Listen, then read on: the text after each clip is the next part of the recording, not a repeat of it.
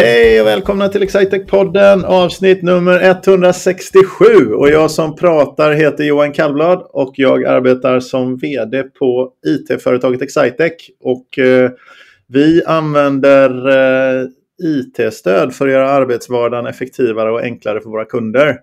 Eh, genom att ge dem då bästa möjliga IT-stöd för sin verksamhet. Och på den här podden så brukar jag samtala med några kollegor och någon gång ibland en eh, leverantör eller en kund. Och eh, jag har som vanligt med mig Frida Widesjö. Frida, vad tyckte du om att jag ändrade lite i inledningen? Fick det dig att känna dig otrygg? Nej, men jag tyckte det kändes väldigt bra. Väldigt innovativt. Ja, mycket. Det var lite den här julkänslan jag får av den granen som jag ser i din bildbakgrund här. Ja, den, den är med. Är det en äkta gran eller är det en sån här uh, bakgrundseffekt i, i scenfaser? Nej men det är en äkta gran på uh, både äkta i att det är en grangran och det är också, det är faktiskt en gran bakom mig på riktigt. Så, en gran gjord av gran som verkligen är där du befinner dig? Det stämmer. Var... Och det kan ju vara så att jag sitter just här för att det är väldigt trevligt att ha en gran i bakgrunden. Jag fixade lite julstämning. Jag ville, jag ville ge lyssnarna någonting annat än, uh, än den vanliga inledningen här. För jag, ville, jag fick bli så här lite julklappsmod. Jag vet vad, jag har faktiskt varit iväg på lunchen idag. Jag tog lite lång lunch och uh, uh, köpte ny skidutrustning till min dotter. och det vet hon för hon var med. Så att det är ingen, jag spoilar ingen julklapp här för det fall att hon skulle lyssna på Excitec-podden. Och anledningen till att jag berättar det här är inte eh, så mycket för att avslöja vad jag köpte i julklapp utan jag bara fick en annan association om det här med att ge saker kontra att få saker och någon ändring i livet som händer någon gång i... Ja, det är så här flummigt som jag vinterassocierar. Att det brukade vara roligast att få saker. Det tyckte till exempel hon nu när hon fick det här. Men någon gång i livet så hamnar man i läget att det faktiskt är lite roligare att ge saker. Mm. Ehm, men ja, så jag vill ge lyssnarna en lite ny inspelning så de inte tror, men jag tror att det är förinspelat. Då. Och det var allt jag hade, det var allt jag kunde komma fram med. ja, det, det, var, det var fint Johan. Vilken, vilken fin julklapp du gav våra lyssnare. Men, men, och nu tänkte jag att du ska hänga på i övergången för att vi har egentligen en julklapp här på podden. För vi har ju en, eh, en deltagare idag som är kanske den mest efterfrågade deltagaren som aldrig varit med på eh, Excitec-podden. Så det är vår julklapp till eh, lyssnarna här, avsnitt nummer 167. Vem är det som du har bjudit in idag, Frida? Men idag har jag ju bjudit in Axel. Varmt välkommen Axel. Äsch, tack så mycket. Tack så mycket. Jag var faktiskt också iväg på lunchen idag och inhandlade en liten julklapp men till min improvisationsteaterlärare som gillar väldigt färgglada strumpor så vi gick ihop i, i mitt, eh, mitt gäng för, för, att, för att köpa någonting så det blev tre, ett trepack färgglada strumpor. Så det, jag bara funderar på det här med att ni fick gå ihop i ett gäng för att köpa strumpor ja, det, så, eh, så är det. Men det, det är ett väldigt eh, kollektivt ansvar att man ska spela på varandra och med varandra i improvisationsteater. Så det är väl en, kanske en gruppövning eller en teambuilding exercise också att, eh, att lyckas köpa en bra julklapp till ledaren i den kursen. Min, min vanliga obligatoriska fråga är liksom hur, hur poddvan är du i början? Men det känns som du är så improvisationsteatervan så kanske podd är någonting som du gör till frukost. Direkt översättbart eh, improvisationsteater till podd, men det är den första podden jag spelar in eh, så, så är det. Men jag tänker att det ska gå bra ändå. Det tror jag. Men Axel, vi vet ju vem du är, men berätta för våra lyssnare. Vem är du på Excitec? Ja, eh, jag heter eh, Axel Endorf och jag sitter på vårt eh, kontor på Olof Palmes gata 13 i Stockholm. Eh, jag jobbar som leveransområdeschef för vårt leveransområde Visma Business och det är väl egentligen ett gäng eh, affärssystemskonsulter eh, som, som arbetar där, så vi är väl en 40 stycken ungefär och sen så en liten supportavdelning som ingår där också som, som jag har det, det övergripande ansvaret för. Väldigt kul. Och, men eh, du, du började ju inte på Excitec i detta året direkt. När, när var det du började? Eh, jag började 2016. Jag gick det då 14 eh, människor rika, anrika traineeprogrammet eh, som ju har utvecklats rätt rejält eh, sedan dess. Då. Men, men eh, jag började 2016 i augusti och så har eh, har eh, väl därefter egentligen min, min resa någonstans liksom lett mig till där, där jag befinner mig nu. Men den har inte varit helt, helt rak och alltid solklar, men det har ju funnits många, många möjligheter att utveckla.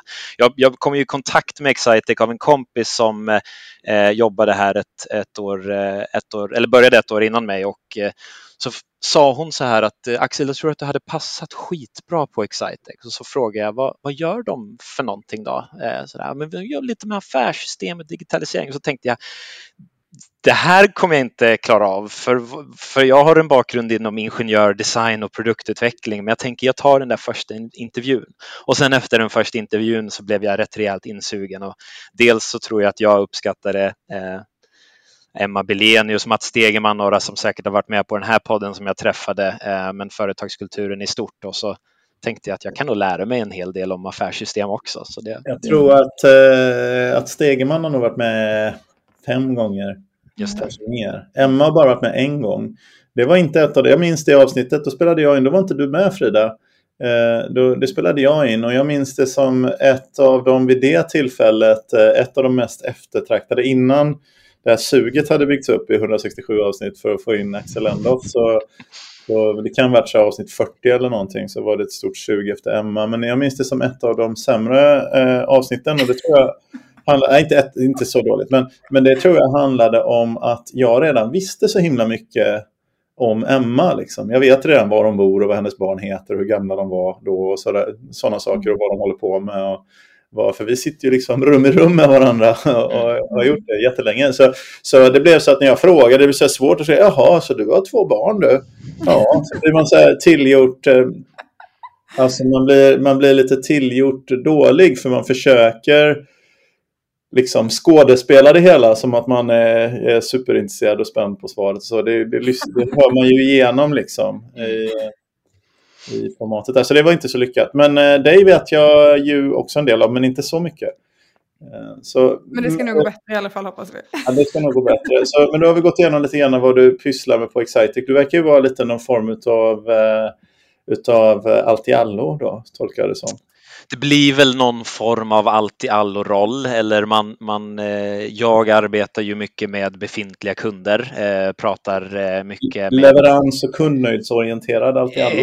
Exakt, det är väl det. Och sen så har jag en del kontakt även med vår eh, sälj och affärsutvecklingsorganisation och så ska man också planera, sätta lite budget, kanske planera lite för en, eh, nu får vi se i dessa bråda tider vad det blir av eventuell kick-off eller konferens under eh, de kommande månaderna här. Men sätta lite, lite riktning. Jag är även med i rekryteringsprocessen också, håller i arbetsprov och, och träffar eh, ja, folk som, som söker jobb på Excitec också, så det är en jäkligt rolig del av, av arbetet. Också.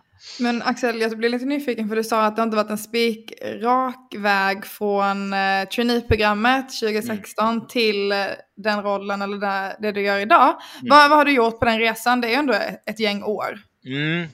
Jag har haft det jag tror att en anledning till att jag trivs så himla väl, det är ju också att jag har fått mycket möjligheter att, att prova på och våga, våga prova lite. En sak är ett, eh, eh, ja, ett uttryck som vi använder ganska mycket här, men det är någonting som jag har fått möjlighet att, eh, att Eh, att, göra. Så efter min traineeprogram, där jag egentligen började som affärssystemskonsult och kände mig kanske direkt lite grann att jäkla vilka duktiga kollegor jag börjar med. Jag måste nog vara, vara sämst i klassen här. Så tänkte jag ganska mycket under traineeprogrammet för att jag kände... Vi, vi, så... så tänkte vi också. jag vet. Jag tror faktiskt, jag säger inte det så ofta, men jag tror att jag egentligen var en, den första och enda eh, traineen som blev anställd som projektledar-trainee. Det var faktiskt egentligen min roll, men sen så skulle jag tillhöra ett, eh, ett område eh, någonstans och så blev det att jag hamnade i, i det här affärssystemsområdet med, med vår programvara som vi jobbar med. Eh, men, men jag var egentligen en projektledningstrainee men man insåg ganska snabbt att det, det är nog inte rätt att börja där, liksom nyexad från skolan, utan man behöver har nog lite mer kött på benen. Eh, så då fick jag eh, hoppa in och lära mig lite om affärssystem. Då. Eh, men då ja, minns jag så väl i alla fall att efter ett par månader in så, så, hamnade jag ute hos en kund faktiskt. Och det är ju sällan vi sitter kanske som resurskonsulting, alltså vi har 100% sitter och arbetsleds ute hos en kund. Men då var jag där i, i typ den här tiden då, liksom den mörka december, november tiden um, för fem år sedan och satt ute hos en kund och var systemadministratör där. Och då började det liksom sammanfalla det här att jag kan, jag hade en bas någonstans i affärssystem men att börja eh, vara spindeln i nätet någonstans, ha kontakt med flera olika personer i kundens organisation, ha kontakt med eh, Excitec och, och liksom samordna. Och där någonstans så kläcktes det här ändå min, jag känner att jag har en, en, samordningsförmåga och kanske att jag ändå, projektledning var nog inte så dumt, men man ska nog börja med det i någon mindre, eh, på någon mindre nivå. Så jag jobbade ganska mycket i olika projekt och förvaltningsledarroller under mina första Eh, ett och ett halvt, två åren på, eh, på Excitec ehm, i kundarbete. Och sen så fick jag även möjlighet att göra en del internt eh, arbete vad gäller till exempel målarbete. På den tiden så var vi väldigt fokuserade i att jobba med mål på Stockholmskontoret och då hade jag, kunde vi sitta där och fundera på med vilka satsningsområden, hur ska vi må bättre och göra bättre ifrån oss. Så kunde jag vara lite samordnande i det där. Så det var väl del ett i den här berättelsen om man ska stycka upp och lämna, lämna lite ord eller möjlighet för följdfrågor däremellan. Men, eh, Vi ändrade ju lite eh, modell där för några år sedan i, eh, eh, ifrån att ha en sån ortsbaserad organisation till att ha en då först en områdesbaserad, det är väl egentligen det fortfarande vi har.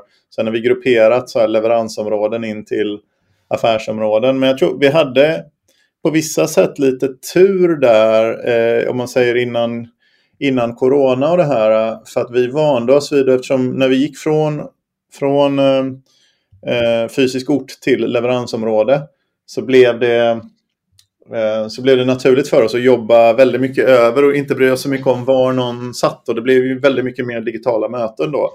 Men det var ju ett och ett halvt år innan kanske corona eller någonting i den stilen. Så när coronan kom så fortsatte vi bara jobba som vanligt. I allt väsentligt faktiskt. Lite mm. märkligt.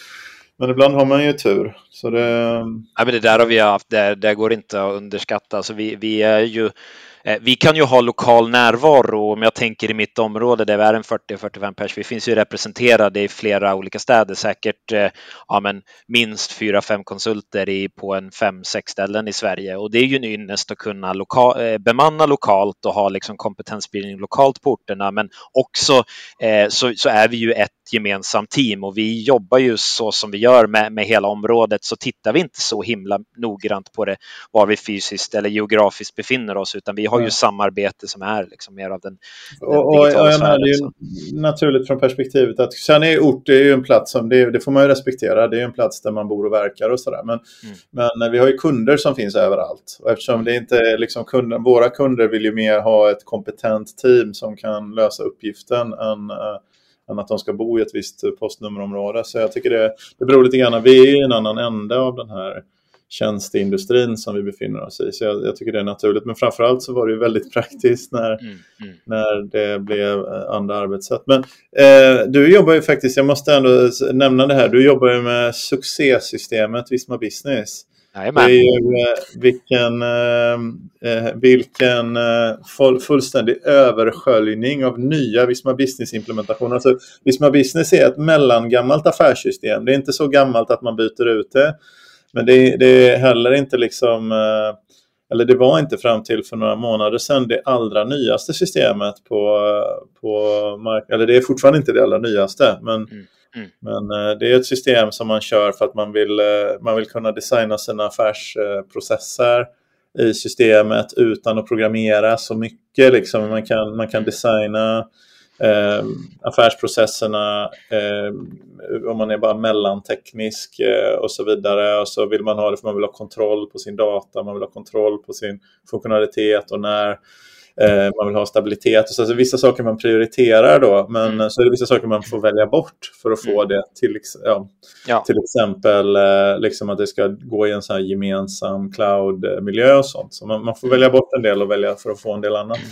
Men eh, vi har ju haft en otrolig efterfrågan på det här systemet. Verkligen. Sista kvartalet alltså. Så jag vet inte om vi, jag kan inte minnas med att vi någonsin har haft så många parallella nyimplementationer som det som ni kommer ha Eh, nu. Det var i alla fall mycket länge sedan. Av, av den här skalan som de är också. Nej men precis, det är ju, jag tycker det där är intressant också Johan för att vi, vi, eh, vi talar ju också om, om såklart förflyttningen till molnet och vi jobbar ju, det här affärssystemet det är ju ett on-premise system så det är liksom en IT-miljö och en server någonstans och det, det kommer ju dels också vara, det är en beprövad och väldigt trygg, trygg eh, Ehm, en trygg lösning för kunderna som vi vet fungerar också. Nu har man ju fått eh, generellt har man ju ganska bra koll och struktur på andra molnsystem också, men det medför ju en liten risk eh, i, det sammanhanget. Men det, här systemet som vi arbetar med, som du är inne på, otroligt konfigurerbart och ganska robust och liksom eh, satt. Vi, det som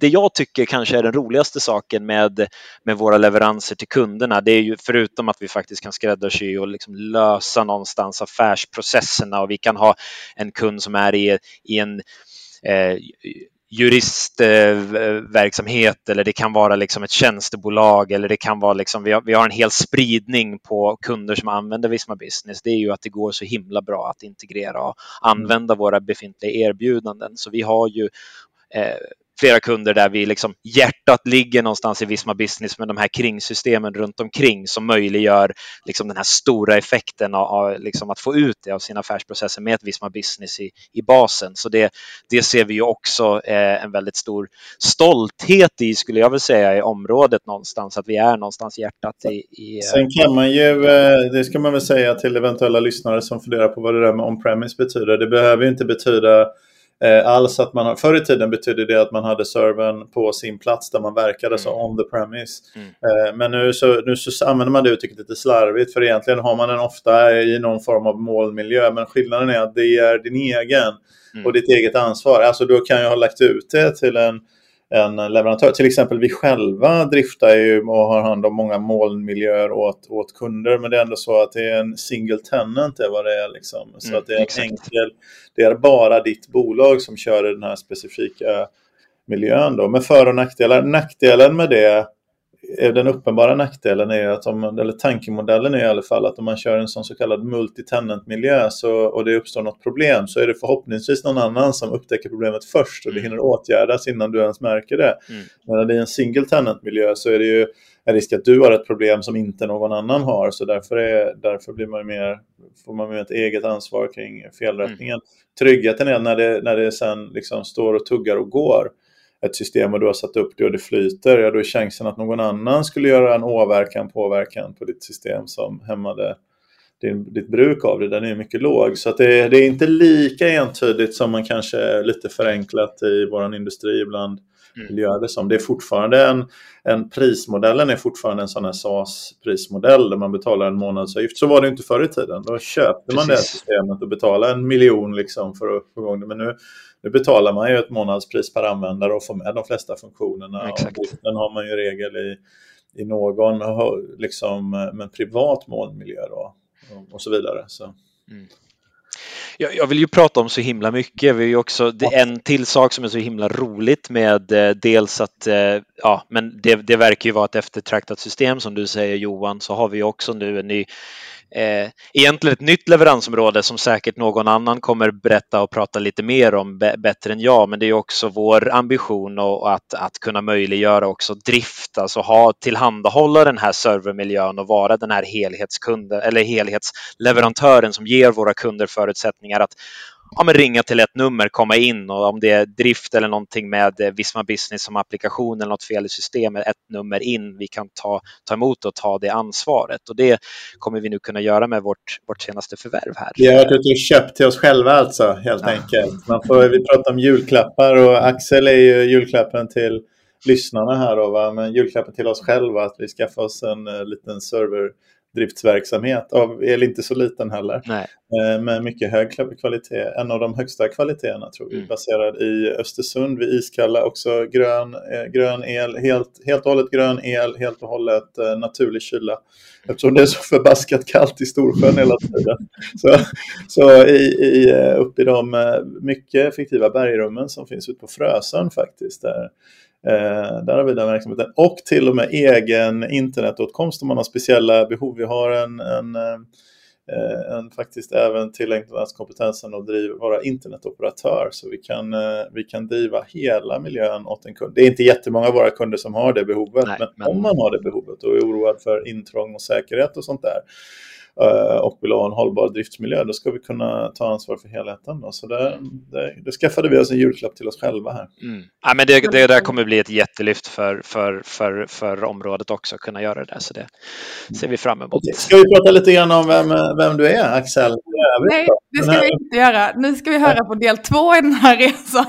Jag tänkte, jag tänkte att ni skulle få det uppdelat i tre delar, kanske. Jag vet inte, det kanske blir en fjärde del eller så måste vi klipp, klippa här så vi får fem eller tre och en halv bara. Men den andra delen då, om man tänker så här att jag jobbade två år efter mitt traineeprogram så, så blev jag faktiskt tillfrågad i samband med en omorganisation, eh, just att gå lite från det här Johan pratade om tidigare, från ort mer till område, så gjorde vi en omorganisation där vi etablerade en ny roll som kallades för teamledare. Innan var vi bara konsultchefer och konsulter, men nu har vi någon form av mellanroll.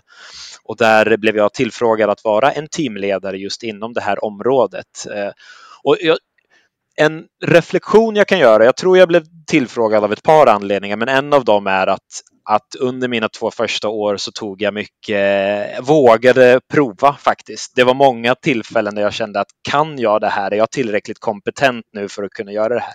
Och så vågade man prova och i vissa fall gick det ju inte alltid eh, ehm, riktigt som tänkt eh, eller som man hade kunnat önska. Men det viktiga som jag säger till alla som kommer och börjar på Excitec det är att prova och lära dig av ditt misstag. Liksom. Det är okej att göra eh, ett fel. Jag du är lite onödigt ödmjuk eh, här nästan även om det är, om det är bra mm. och en fin egenskap. Men jag var med ganska tidigt i din karriär i ett projekt som gick exakt som det var tänkt eh, när vi jobbade med den här det stora företaget uppe i Borlänge var det va? Som eh, Just det. vi varit inblandade tillsammans. Det blev en mycket bra upplevelse skulle jag, mm. skulle jag säga. Så du var inte alltid gärna moduglig, det var nog även det. Det uppskattar jag. Det var egentligen det jag fiskade efter och jag tackar att du nappade på det. Men, eh, men eh, där, därefter den rollen med, med teamledarskapet så bedrev jag egentligen eh, ja, men en, en, en konsulting, en egen leverans då i att konsulta och vara projektledare för våra kunder och förvaltningsledare och ha det här teamledarskapet och driva området Visma Business framåt. Jag kan snabbspola till del tre också. Det är att eh, sen efter vid, eh, vid sommaren här, sommaren 2021 så, så eh, klev jag in i min eh, befintliga roll som jag har nu som leveransområdeschef efter att eh, min, min förra chef var, gick på föräldraledighet så jag har klivit in där. Och, um, det är ju exakt samma sak som första kunduppdraget jag fick eller första gången jag hade ett eh, medarbetarsamtal i, team, i teamledarroll och exakt samma som när jag hade min första dag som leveransområdeschef. Att jag tänkte, hur ska jag kunna göra det här? Jag tror jag, jag, tror jag ifrågasatt mig själv varje gång. Eh, även om jag har viss självförtroende uppbyggt så är man ju, eller jag är nervös för att prova det, men jag inser också med track recorden som finns att vågar jag eh, ta mig an det här så kommer den där utvecklingen vara så värd det. Och det finns ingenting som är bättre än den här känslan av att du har tagit dig an en uppgift som är lite för svår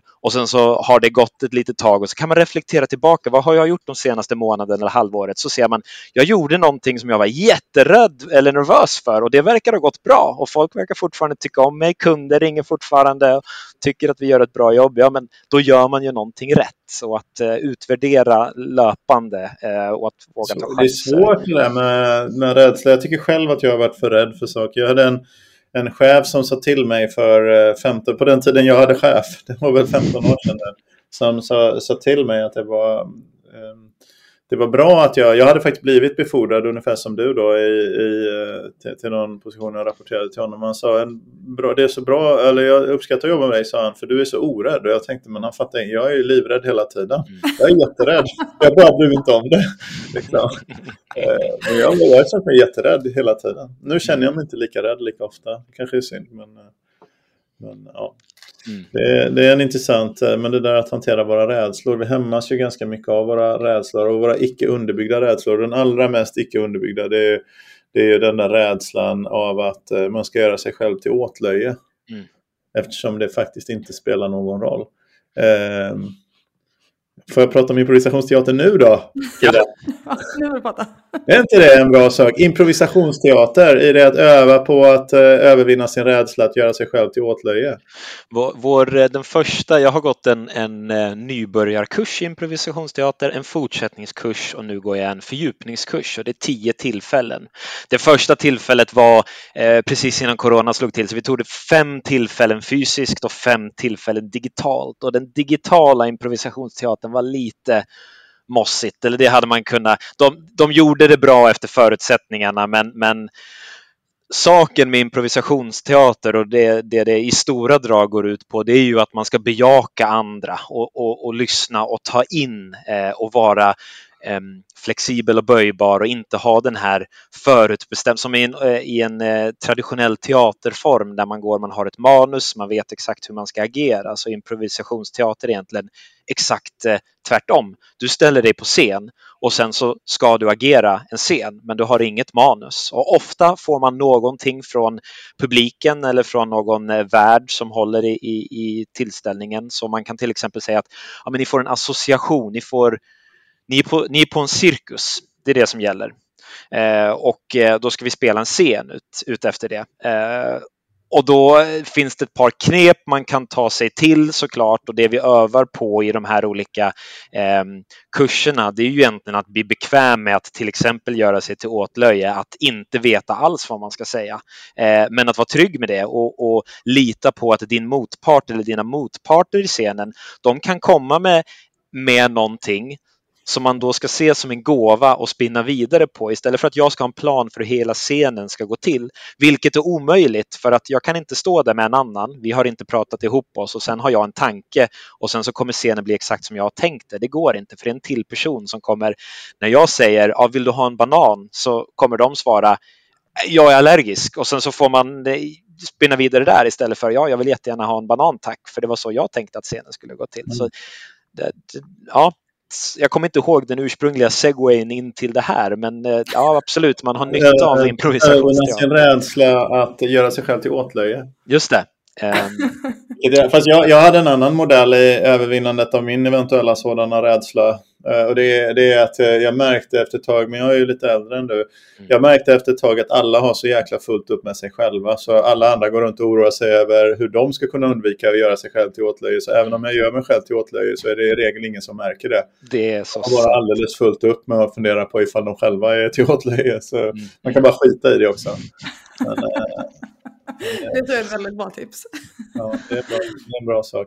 Har vi tagit liksom Axel så här, äh, någon berättar om något typ av grej här? Tror du? Det, ska ja, det finns ett segment i den här podden som du faktiskt har fått förbereda dig till Axel. Inte ja. alltså, improvisationsteatermässigt då. Var det om improvisationsteater du hade tänkt prata om? Det, det var kanske inte det. Jag, jag, är, jag är lite nördig. Jag, är, jag har sådär lite lagom med intressen. Jag är inte en sån som går in i helhjärtat för för så mycket på min fritid. Jag tycker det är ganska härligt att vara lite svävande. Improvisationsteater är en grej. Jag älskar fantasy och fantasyböcker. Det är en annan sak. Men det jag tänkte prata om är kanske det tredje eh, intresset som har växt fram på modern tid och det är ju ultralätt vandring. Som, oh. eh, ja, berätta lite om era erfarenheter av ultralätt eh, vandring. Nej, jag, min främsta erfarenhet är att din berättelse om hur du gick eh, Sörmlandsleden i somras tror jag. Eh, det blir så här, alla som har sett sista avsnittet av Succession. Då. Jag ska måste då erkänna, jag har inte sett något avsnitt. Jag har bara hört den refereras till så många gånger. Eh, så alla, det alla säger, ja, spoiler alert för sista av, det är så fan, jag vet inte vad som hände i det då. Men, men hur eller hur, men så nu gjorde jag en liten sån här spoiler. Eh, nej, men jag vet ingenting om ultralättvandring, men jag skulle säga rent intellektuellt så tänker jag mig att det handlar om att vandra utan så mycket grejer. Mm. Eh, men det är mer, det är mer så som jag tänker jag tycker det, det, var väl en ganska bra, jag hade ingen definition på det, men, men man kan... Förlåt, för det, skulle, det skulle kunna vara så här också, vandra med väldigt, väldigt dyr utrustning. Exakt! Där satte du huvudet på spiken Johan. Det var, eller det, det, är väl en kombination, för vad är lättare än att inte ta med sig någonting? Det är klart att det kommer vara lättare än en väldigt dyr sak som väger någonting, vilket tyvärr eh, även dyra saker gör. Så jag skulle säga att det är gränslandet eller bemötandet någonstans i att gå ut, eh, gå ut i naturen och tänk, man har det här minimalistiska tänket kring vad klarar jag mig eh, på? Behöver jag ha en handduk med mig ut i skogen när jag är ute ehm, och går? Eller kan jag lufttorka? För det går snabbare. Eller kan jag ta den där t-shirten för den kommer torka när jag väl har den på mig. Varför måste jag ha den där handduken? Nej, men då sparar jag 200 gram precis. Och det, det, det, är ett, det är ett gramjagande någonstans. Eh, jag tror jag skrev eh, till Frida om, om mitt tema ultralätt vandring, om att liksom hur en avsågad tandborste inte bara är en viktbesparing utan också ett steg till inre lycka var liksom catchphrasen för ultralätt vandring och beror på hur filosofiskt och djupt in vi ska gå eh, i det. Men, men bara några basics då. Vandring i Sverige är ju ofta, det är ganska coolt att ha ganska mycket tyngd. Liksom. Man ska gärna 20, 25, 30 kilo är riktigt läckert. Gå hela Kungsleden med 30 kilo. Då har man visat sig stor och stark. Vapen och hjälm. men, ja, också väldigt coolt. Det, det, men det, det, det kommer ju från, från Försvarsvakten. Det som är intressant med hela ultralätta, om man tittar på produktutvecklingen av ultralätt ultralätta prylar, det är ju mycket från amerikanska försvarsmakten och materialforskning och hur man så här, tio år senare får någonting som är lätt och otroligt, eh, ja men det, det släpps till allmänheten. Liksom. trött när han ska ut i strid kanske. Det vore ju trist eh, för eh, soldaten i men fråga. Så konceptet lätt, så beskriv då, hur ser en ja. packning ut? Min packning är då, så, så det finns en, en kategori under ultralätt som heter superultralätt, men jag tänker inte, den är för svår då. Men ultralätt, man säger så här att man pratar om ett koncept som heter base weight då. Och base weight är egentligen eh, exklusive kläderna du har på dig när du går och mat och vatten. Vad väger din packning då? Så det är ju, man kan säga att man håller upp sin ryggsäck och så föreställer man sig vad har du där i? Ja, men du har en sovsäck kanske. Du har ett tält kanske eller någon tarp, någonting som skyddar mot, mot regn. Du har ett liggunderlag kanske för det är lite oskönt att ligga på, på marken. Du har ombyte, du har hygienartiklar, du kanske har en eh, kudde, du har eh, Ehm, mat, kanske något eh, kök för, för att väga. Och då ska, då ska, säger jag, min packning när jag var ute tack för spoilern Johan, på Sörmlandsleden. Då var jag ute tio dagar i somras då, helt själv och gick eh, tio dagar i sträck, gick ungefär ungefär 314 kilometer gick jag, så det blev lite drygt tre mil om dagen. Ehm, då gick jag med en base weight som var 3,8 kilo. Men, uh, are you shitting me? 3,8 kilo? Ja, precis. Uh, och det, där, det är, ju, det är ju därför jag pyntade ner de här otaliga timmarna med efterforskning och de otaliga tusentals lapparna som krävs för att eh, komma ner i det där. För att få den. äger ett, eh, ett riktigt elitistiskt uh, ultralätt liggunderlag? Uh, liggunderlaget är, jag kan, jag, får jag hoppa, vi kan ta till exempel mitt tält som ändå är den lättaste delen jag har förhållande till och kanske den dyraste, dyraste packningen. Där har jag ett tält som väger 467 gram exklusive eh, tältpinnarna som väger 35 gram. Då. Så, vad, får du in i det? En tå eller? Eh, det är en, ett och ett halvt eh, eh mannatält egentligen, så det är väldigt rymligt för mig. Ehm, och eh, man skulle kunna vara två in a pinch ifall det blir någon storm och någon äh, hamnar lite ute. Så. Men, um, men det är till exempel ett tält. Eh, jag har en sovsäck som väger ungefär 600 gram, fast det är inte en sovsäck och det här är viktigt. då. Dun, eh, det ger ju värme, eller en sovsäck ger ju värme, i alla fall om det är en dunsovsäck på grund av hur mycket loft eller hur ehm, eh, vad är det ordet på svenska? Hur mycket ehm, liksom... Alltså fluff. Hur mycket ja, men hur mycket fluff? Det var bra, tack Frida. Hur mycket fluff är det? Och ju mer fluff det är, desto mer kommer vi bli isolerade eller isoleringseffekt och värmebehållningsförmåga kommer det vara. Och när man ligger på en sovsäck, en, en sån som man kryper in i, ja men då trycker man ju allting som är kontakt mot ytan, det blir ju helt ihoptryckt. Så det kommer ju inte ge någon värmeförmåga eller liksom eh, värmeisolering och då har man egentligen en quilt då och det är egentligen som ett täcke som du har fast den är sydd, den nedre tredjedelen är sydd så man liksom tänk dig att du hoppar in i en sovsäck i den nedre tredjedelen och sen så är det, ligger själva täcket längs med liggunderlaget. Bara för att mm. spara typ 100 gram då eh, på, på den totala vikten jämfört med om man skulle ha en sovsäck. Så det här är lite massa sådana här specialtweakar för att få till, eh, ja, spara några hundra, hundra gram. Så i den här sporten då, om det nu är en sport, så blir det liksom när någon kommer på det att men vänta lite, vi kan ha underlakan mot här. Det är liksom som, lite som när Janne Boklöv kommer på att man kan liksom hoppa backhoppning med V formation. Det ändrar allt. Liksom. Det, sp det sprider ju sig som en löpeld på, i de ultralätta vandringsforumen som jag hänger på i alla fall. Och, Ditt kök då, som du lagar mat på? Ja, i somras så hade jag inget kök med mig för att det vägde för mycket. Så jag gjorde så istället att jag la in eh, nudlar eller gryn i en plastburk och så fyllde jag på med vatten så lät jag det svälla Eh, och så åt jag det efter tre alltså, timmar. Här, eller... här tappar du mig. var det eh, värt det? Alltså, ja, jag, jag, alltså, var, är det inte, eller varför måste det vara så lätt? Varför kunde det inte varit så 500 gram till då? Eh, men precis, och det är det här kanske det kommer till liksom eh, catchphrasen att det inte bara är en viktbesparing att eh, hugga av sin tandborste i tur. För man, en tandborste kan ni tänka, en fullängdstandborste, den väger ju bara 15 gram och skär man av den i mitten då har man ju kapat bort 8 gram. Då kan man fundera på, men är det verkligen nödvändigt? Då trycker man in en så här skitig tumme som man har gått och skrapat kåda med liksom in i munnen. Är det verkligen en bra idé? Och det, det kanske är lite ohygieniskt men samtidigt vilken otrolig frihet dels att komma ner 8 gram eh, till i, i ryggsäcken men också man, man är så fri för man behöver så lite när man är ute. Och, och liksom, jag vaknar vid åtta på morgonen och jag går fram till åtta, nio på kvällen. Jag äter och tar lite pauser däremellan men så, så bara njuter jag av naturen och det är så enkelt leverne och det är det. Det är inte så mycket prylar som är med så att det är klart det hade varit gott ibland med att värma, med att äta en varm mål mat. Det ska jag inte sticka under stolen med men det är något härligt och enkelt med att med att bara ha liksom en plastbägare som man liksom skrapar ur och matar sig själv med. Nej. Men eh, var du och handlade någon gång eller hade du med all mat för den här tio dagars vandringen? Ja, ja, så jag utgick ifrån Järna, eh, så en ort eh, i, i Sörmland och så gick jag till Katrineholm, så fem dagar och sen i Katrineholm så hade jag faktiskt skickat en care package till mig själv som jag hämtade ut på ICA Maxi där med.